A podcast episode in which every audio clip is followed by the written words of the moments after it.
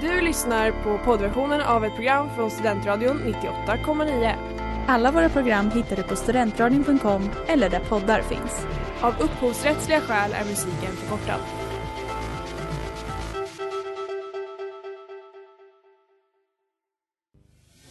Det börjar bli dags att öppna upp Sverige. Any further acts of aggression would be met with massive consequences. Om jag åker tunnelbana i Tokyo, är jag då japan? Så när jag hör eh, Jimmie Åkesson här prata om klimatfrågan då kommer jag att tänka på ett sånt här flaskskepp. Vet. Hur kom du in hit egentligen? Det går fortare att åka till Pluto än att få en hyreslägenhet i, i Stockholms innerstad. Sen lunch med PK, ditt inrikespolitiska program varje onsdag klockan 18.00 här på Studentradion 98,9. YOLO, you only live once.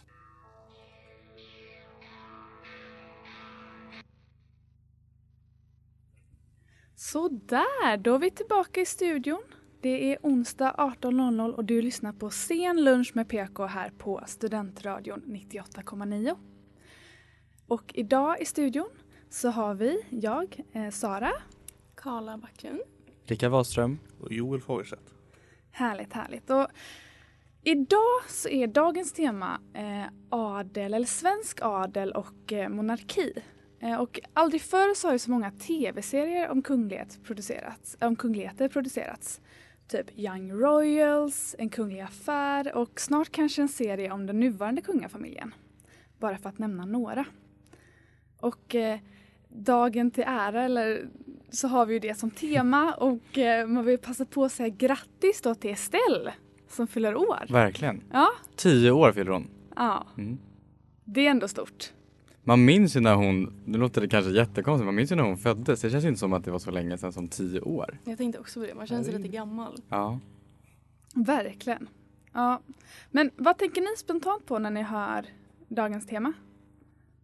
Jag tycker det känns väldigt roligt att vi ska prata monarki. Det finns ju väldigt många dimensioner av det och vi har ju spånat fritt eh, på ämnet och tänker att vi har ju en, en ganska stor bredd tror jag av, av eh, olika samtalsämnen på just det här temat. Så det, det ska bli spännande tycker jag att, att höra vad ni har för tankar om det. Ja men verkligen. Det håller jag med om. Och jag tycker ett kul ämne att ha för det känns lite eh, alltså relevant men också inte det första man tänker på när man tänker inrikespolitik kanske. Det känns Nej. inte som en så het fråga just nu. Vad säger du Karla? Jag hoppas att det blir det. Det blir kanske inte frågan som avgör valet. Även om vi kommer prata lite om det också. Ja, Mm. ja, det är rätt. Det är sant. Det kanske inte kommer avgöra valet. Nej. Gud, jag läste förresten på um, SVT så var det deras eh, politiska eh, kommentator som hade um, men kollat lite på de olika partiernas eh, strategier nu och analyserat hur deras valstrategi skulle komma att bli. Mm. Vad spännande. Ja, tips verkligen. Men hur är det med, med er annars? Går det bra på med era studier? Ja, jag läser svensk politik just nu så det är relevant. Och, Det låter så kul. Ja, alltså det är Mm. jätteroligt. Jag är så nöjd att jag valde det Mm. och inte typ internationell politik. Förlåt. Jag tycker det är bra. Jag tycker det behövs fler som är intresserade av svensk politik på Ja. det här programmet. Väldigt många vill ju plugga internationellt och det är Mm. jättebra också. Mm. Men svensk politik for the win. Verkligen.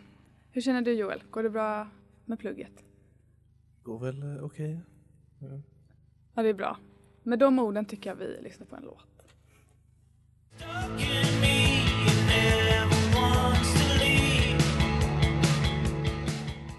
My Companion med Shout Out Louds. Och du lyssnar på Sceners med PK här på Studentradion 98,9. Och vi snackar adel och monarki. Mm. I introt så snackar jag lite om att det är ett ganska aktuellt ämne. Framförallt så görs det mycket film och tv-serier på ämnet. Ehm, men de här filmerna och tv-serierna har ju inte gått utan att få kritik riktade mot sig. Bland annat har ju The Crown eh, fått kritik för att de inte håller sig eh, till sanningen.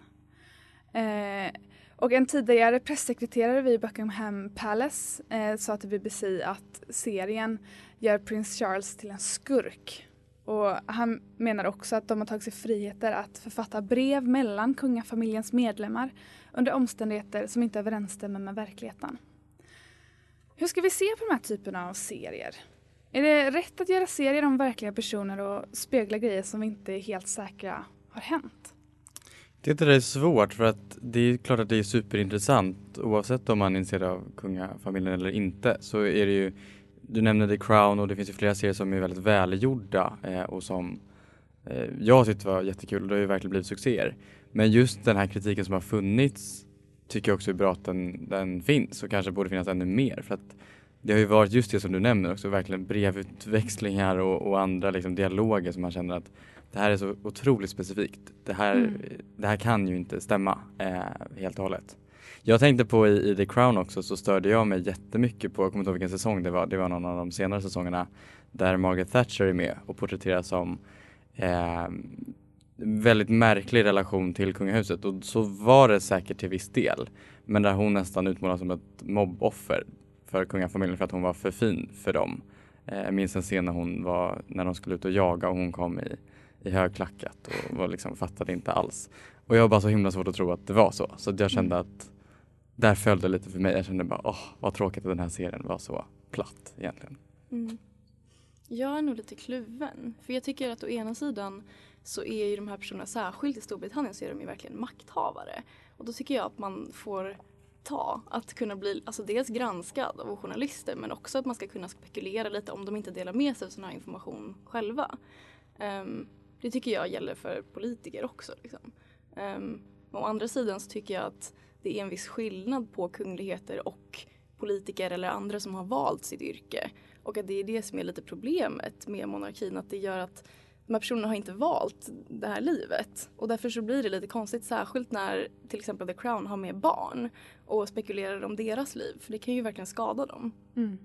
Men det är skillnad också tänker jag på, på, på att granska och på att porträttera någon som någon kreativ själ har tänkt att så här är det eller det här kan vi tjäna pengar på att det porträtteras som. Ja, Det är absolut. det som blir lite problematiskt att man inte vet. Men det är det som är Agendan. grejen tycker jag. För som jag har förstått det så har The Crown, de som har gjort den, har ändå gjort mycket research. Men sen är det ju mycket typ privata konversationer mellan Mm. Margaret Thatcher och drottningen finns ju förstås inte Mm. nedskrivna. Så då får man ju göra valet om man vill inte liksom porträttera det överhuvudtaget eller om man vill spekulera utifrån det man vet. Mm. Och det är väl, ja, det är väl en svår avvägning. Alltså det känns väl som att man lätt kan hamna i förtalsterritorium där. Ja, verkligen. Mm. Också jag tänker på den här En kunglig affär som gick på SVT Play under julen. Det var många scener där som, eller jag tänker alla scener där det bara är liksom två personer i ett rum. Liksom Mm. hur, hur, alltså hur vet man överhuvudtaget liksom? Eh, alltså man kan ju inte veta exakt vad som hänt liksom. Nej. Man måste ju ha med fiktion. Eh, Men det ligger ju också, det har vi pratat om tidigare, i betraktarens ögon. Att hur ser vi på det här? Eh, och ser man på det källkritiskt, ja det gör man väl allt som oftast, men kanske inte i alla lägen. Och det är väl det som blir ett problem med de här serierna. verkligen.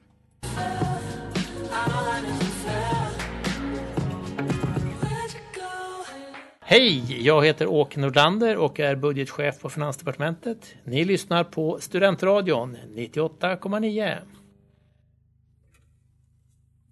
It's been a little heavy lately med Josef. Och nu över till dig Rickard. Tänkte att vi skulle prata eh, det som varit på tapeten den senaste veckan i den kungliga sfären. Nämligen ryktet om en förestående skilsmässa mellan kronprinsessan Victoria och prins Daniel. Just som det. hovet gick ut och dementerade kraftfullt här för, för några dagar sedan. Vad, vad tänkte ni när ni hörde dementin? Det känns ganska ovanligt att de Mm. liksom uppmärksammar rykten på det sättet. Mm. Så att någon slags betydelse måste det ju ha. Sen vet jag inte vad det betyder. Nej. Hade ni hört ryktet innan? Eh, alltså jag tror det är lite svagt. Och så Ja. tänkte jag, det kan inte finnas en spricka där. De hittar Det, bara det känns på. ju otroligt stabilt tycker jag. Utan att veta någonting om dem så känns Ja. det som att det där, rock solid. Ja, nej så kände jag också. Eh, och sen när de gick ut och dementerade tänkte jag bara, "Ah, ja ja, men eh, då var det verkligen inte det. Mm. Eh, men så lyssnade jag på P3 i morgonpasset och så sa de, eller lyfte de det här och att det är, de gör ju inte det. Eller de dementerar ju liksom ingenting, typ väl? Nej, det är väldigt ovanligt. För Ja. det, det sätter ju igång tankar. Och det tänker jag nu, för jag hade hört ryktet på olika håll. Det var en ganska stor podd som två eh, komiker, en eh, som har blivit väldigt stort. Nu ska jag försöka att inte hänga ut dem men ändå berätta så att ni förstår vilka det är. Två komiker, stor podd som har blivit större senaste året. Okej. Eh, en av dem syntes i Melodifestivalen som programledare nyligen. Eh, de pratade om det här ryktet Ah. i alla fall. Ehm, och, eh, så att jag hade ändå hört det. Men jag har hört ganska många som inte har hört ryktet som ju nu då funderar på hmm, ingen rök utan eld. Typ. Så det är också en intressant Aha. mediestrategi tycker jag att välja att gå ut och dementera för det gör ju att minsta lilla tecken nu som man eventuellt kan se på någon bild eller vad det kan bli kan ju verkligen tas för hmm, hur står det egentligen till? Men det får vi hoppas att det inte det blir så för nu har de verkligen satt ner foten. Eh, Ja, för jag vet att Linnea Wikblad som pratade i Morgonpasset i P3, hon sa just det att det blir väldigt jobbigt om de nu lite senare ska skilja sig, alltså i närtid. Men verkligen. Det blir lite jobbigt om man då verkligen gått ut och dementerat det och sen bara nej, vet ni vad? Det är något vi måste berätta. ja. Jag känner liksom lite varför skulle de ha gått ut och gjort det om det var osäkert på något sätt? Ja. Det borde ju nästan tyda på att det bara är ett rykte. Eller så är det någon slags mediestrategi, jag vet inte. Det var intressant att se, jag gjorde en liten undersökning. Jag scrollade kungahusets instaflöde och Ja. såg att de snittar på likes mellan typ 5000 och 15 000. Men det här dementiinlägget har fått 120 000 likes. Oj. Och många röda hjärtan från eh, partiledare och eh, folk som eh, ja, verkar uppskatta dem. Ah. Så det, det kanske säger något om något eller ingenting alls, jag vet inte. Eh, jag tänkte koppla det här till, till då kungliga skilsmässor som har ägt rum. Vad tänker ni på då? Har ni någon skilsmässa färskt i minnet? Nej. Nej. jag kanske kan lite för lite.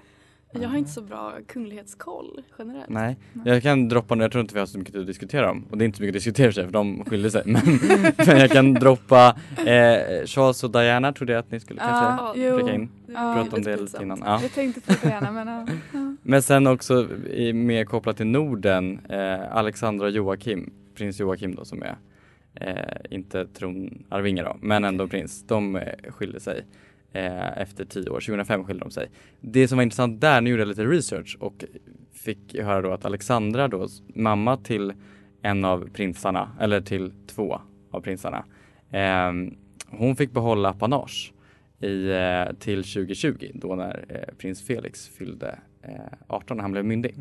Och så ser det ju inte ut eh, i Sverige. Men det, är- vi ska prata lite apanage senare så att jag lämnar den löst hängandes.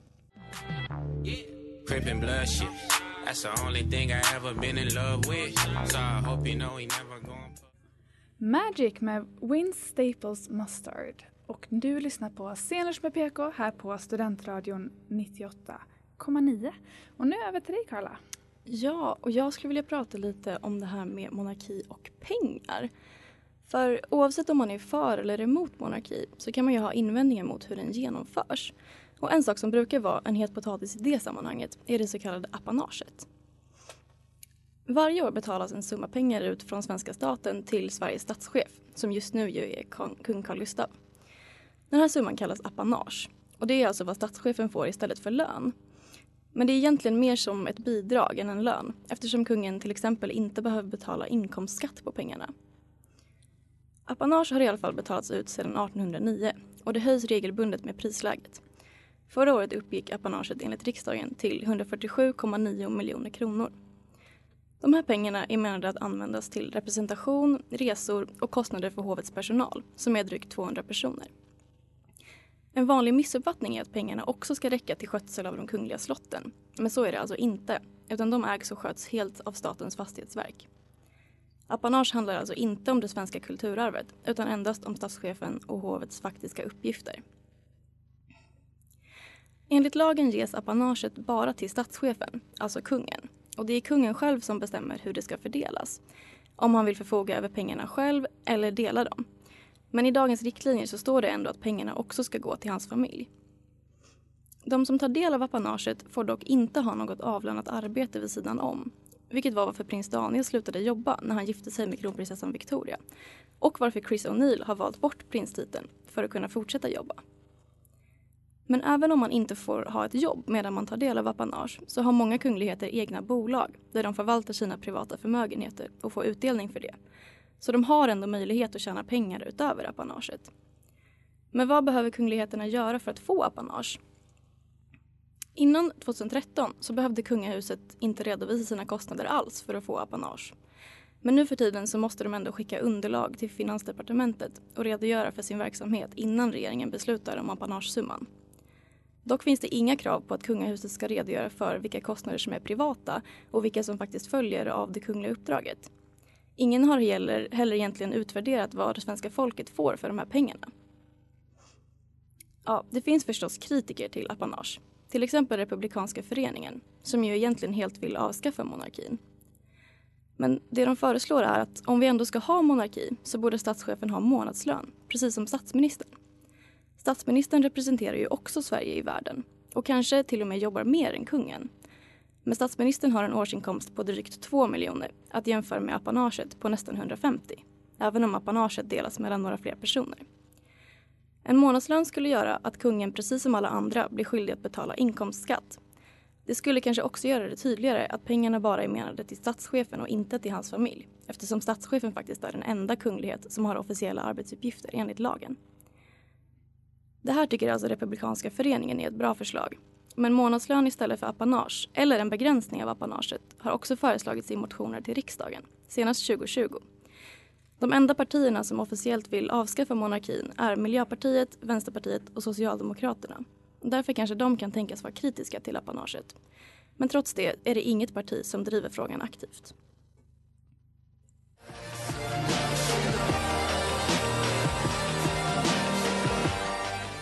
Hej, det här är Daniel Sanchez. Ni lyssnar på Sen lunch med PK.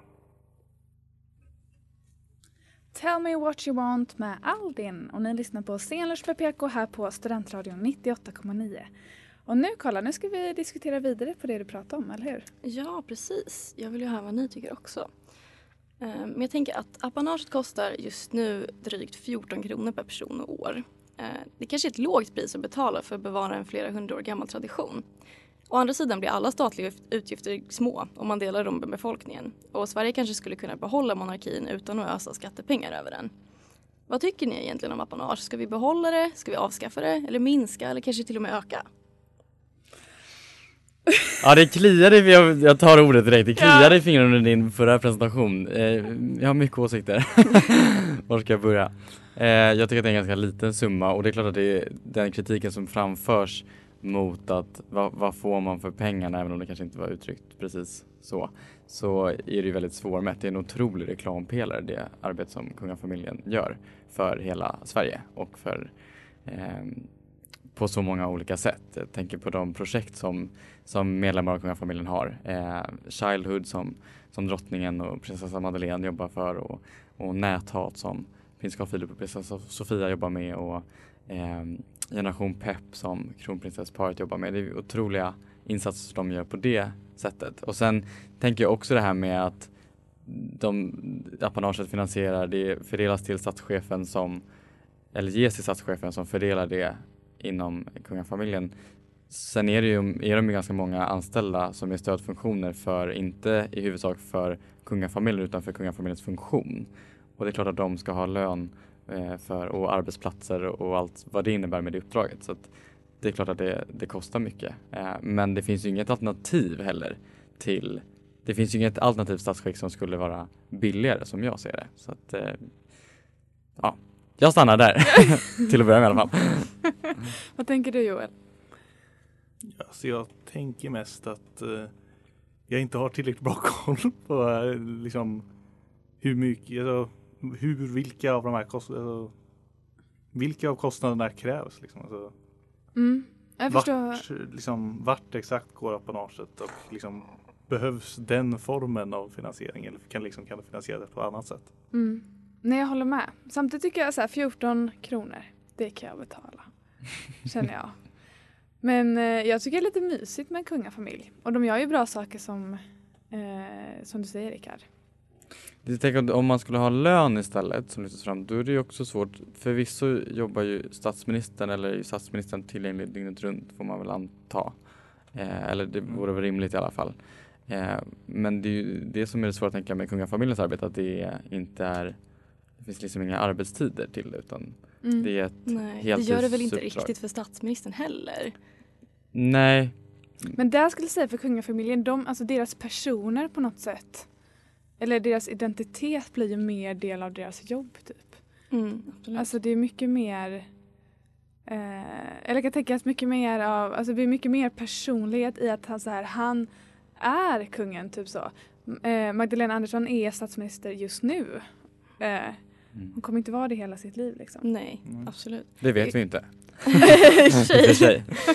Jag kan tycka att det är rimligt att man, om man ska få ta del av den här ändå stora summan, visserligen liten om man delar den på 10 miljoner, men det är inte 10 miljoner människor som delar på löndelen.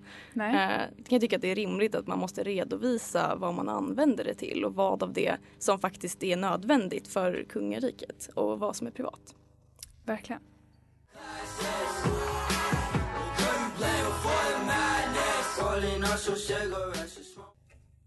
Bad Kids med 347 Aiden och du lyssnar på Sceners med PK här på Studentradion 98,9. Och nu Rickard, ska vi blicka lite framåt kanske. Ja det ska vi göra, vi ska prata lite framtiden för monarkin. Vi kan väl avslöja att diskussionen fortsatte här i under låtpausen om framtiden. Vi tycker väl kanske lite olika eh, men det, vi får väl avslöja, eller det kanske märks redan nu vad vi tycker. Ja, det tror jag nog. Strunt samma. Eh, jag tänkte i alla fall koppla till lite statistik nu. Eh, jag försökte ta reda på vad, vad tycker svenska folket och titta på lite opinionsundersökningar eh, och det finns inte supermycket vad jag kan hitta men men en eh, SIFO som är gjord i juni 2021 visar att eh, av de tillfrågade, den är gjord för Svensk Damtidning ska jag säga, kanske inte helt otippat, eh, men det är i alla fall SIFO som har gjort den. Att eh, över, av de tillfrågade så har eh, en majoritet, över 50% svarat att de har störst förtroende för kronprinsessan av alla i kungafamiljen. Eh, och det ska Mm. ställas i kontrast till den som eh, svenska folket, alltså frågan var vem har du störst förtroende för och då har den personen som har fått 0% är prinsessan Madeleine. Och det kanske inte Aha. är jättekonstigt tänker jag. Eller Sara reagerar på det. Jag gör det. Jag tyck- Noll procent Ja. är ändå... Men jag Ja. kan förstå det, Ja, för hon är så himla lite i Sverige, tänker- känns som. Alltså det känns inte som hon Jag är så det närvarande Mm. liksom. Men jag tänkte att typ, eller det är verkligen, det känns inte som att det är några kontroverser alls kring henne. Hon typ så här jobbar, eller det här med så här, höll på med det här med childhood. Men hennes Alltså kille. bara, ja men han förstår jag om man känner sig kritisk på men hon är ju inte honom liksom. Jag vet faktiskt inte vad Chris O'Neill fick men jag tror inte, han brukar ju inte riktigt räknas in. Nej. Jag tror inte att han får del av apanaget, nu sneglar jag på Karl här men jag tror Nej inte för han det. jobbar ju. Han jobbar, precis. Mm.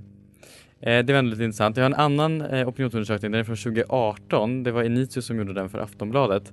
Eh, och där kunde man se att eh, de tillfrågade som var mellan 16 och 30, alltså den yngsta åldersgruppen som tillfrågades, där menade 53 procent att de hade stort eller mycket stort förtroende för kungahuset.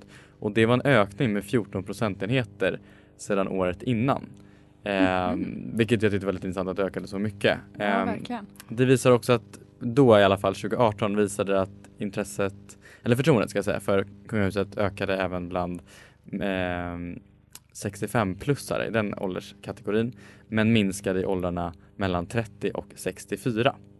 Ehm, och det här mätningen gjordes strax efter eh, Svenska Akademin-skandalen. Det var inte direkt kopplat till kungahuset kanske men nej. kungen var ju ändå ute där som ständig beskyddare. Så att, eh, ja. Och kopplat då till partipolitiken. Eh, det finns tre partier som vill avskaffa monarkin. Har ni några adekvata gissningar? MP, V och S kanske?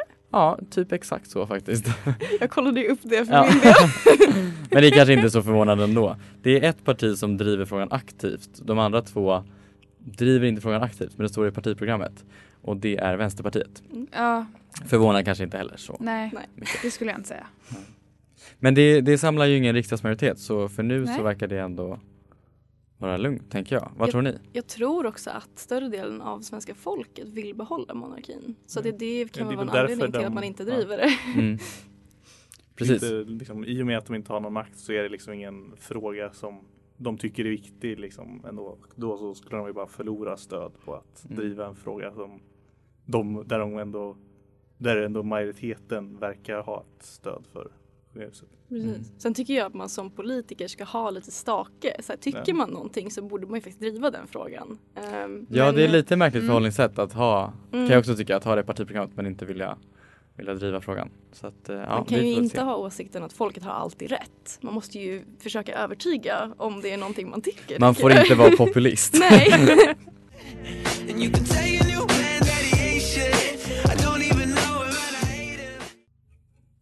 Favorite med Artemas. Och eh, vi tänkte fortsätta diskussionen här kring eh, monarkins framtid. Eller hur? Ja, jag funderade på, jag tänker att det mest eh, royalistvänliga partiet skulle jag tippa är Kristdemokraterna ändå. Ja, mm, eh, det jag funderar på om, om de, för de pratar, det är inte någon som pratar så mycket om, om kungahuset i den politiska debatten. Och även om nu uppenbarligen några partier har det i sina partiprogram så är det inte så mycket debatt och det kanske är för att det inte finns så mycket att debattera. Men jag funderar på om Kristdemokraterna skulle kunna lyfta frågan och plocka några poänger för de allra mest trogna royalisterna. Jag vet inte, vad tror ni? Men säkert. Säkert alltså, särskilt om typ andra sidan skulle börja höja sina röster för det ännu mer liksom. Ja.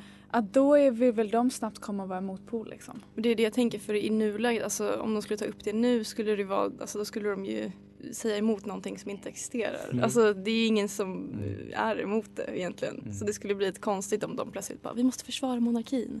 Men om någon faktiskt skulle attackera monarkin tror jag definitivt de skulle plocka poängen på det. Mm. Mm. Det håller jag med om. Men eh, vad nu har vi inte riktigt kommit in på den frågan specifikt, men vad tycker ni? Bör monarkin avskaffas? Ja, ner med monarkin tycker jag. Varför då Karla?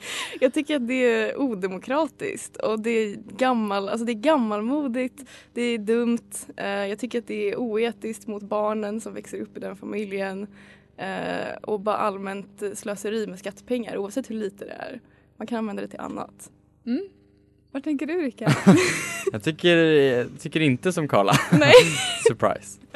Eh, jag tycker inte att skattepengar ska slösas med men jag tycker att de pengar som läggs eh, på kungahuset som institution är väl värd eh, den investeringen som det innebär. Framför allt som jag nämnde tidigare, det är ju en fantastisk reklampelare för Sverige och eh, jag, jag tycker att det, det arbete som de gör också, möjligheten att lyfta eh, politiska frågor till den partipolitiska agendan eh, genom det arbete som de alla i olika utsträckning gör. Det tycker jag är, är väldigt viktigt. Och sen så är det ju kul att, att följa vad de har för sig och vad de besöker och så. Och det hoppas jag att det blir mer av nu när, när de kan resa lite mer, att de gör lite mer verksamhetsbesök och, och sådär. Och sätter lite kunglig glans på vardagen. Det är alltid trevligt. Vad tänker du Joel? Alltså jag håller med Karla, men Ja. Alltså, jag, vill, jag vill å andra sidan typ göra om hela staten. Så att, Ja. liksom, då kan man lika gärna slänga på att ta bort monarkin. Liksom, när man ändå håller på. Ja men exakt. Ja. Sara då? Ja, alltså jag tycker kanske inte vi ska avskaffa monarkin. Ehm, men det kanske är mer så här av emotionella skäl. Alltså jag vet inte, det känns så här taskigt mot dem. Och så ska, jag, vet inte, men jag tycker det är fint, de gör bra saker.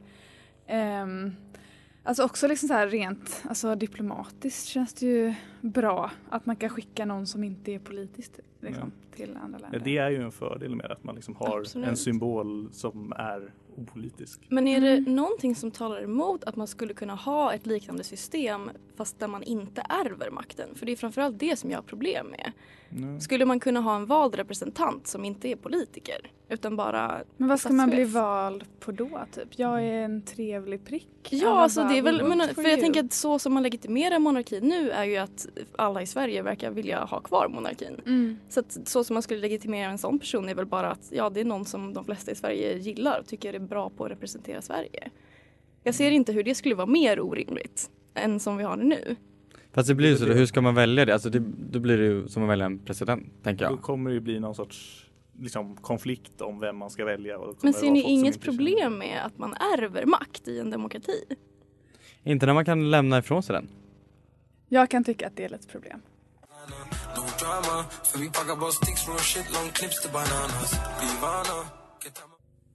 Dubbla skift med Gulid och du lyssnar på Scenlunch med PK här på Studentradion 98,9 och det börjar lida mot sitt slut, dagens avsnitt. Det har varit en del heta diskussioner. Det är också varmt här inne för Ja. att de sänder precis innan. Så Ja. man känner sig lite utpumpad. Verkligen. Men eh, avslutningsvis, skulle ni vilja vara del av den svenska kungafamiljen? få lite statliga bidrag slash pengar och jobba för bra saker i världen. Jag tror att det är ett väldigt spännande uppdrag. Mm. Eh, om jag knyter an till den frågan utan att behöva svara på det så tänker Ja. jag de kungabarn som växer upp nu i det svenska kungahuset, det ställer ju eh, äldst, så de är ju mellan, vad är de, mellan fyra och tio någonting, tror jag. Eh, så de är ju inte i dejtingsfären ännu, förhoppningsvis. Vad ska du säga nu? Nej men jag und- Nej, jag ska inte gå dit. Men jag blir, jag blir nyfiken på hur det ska gå till.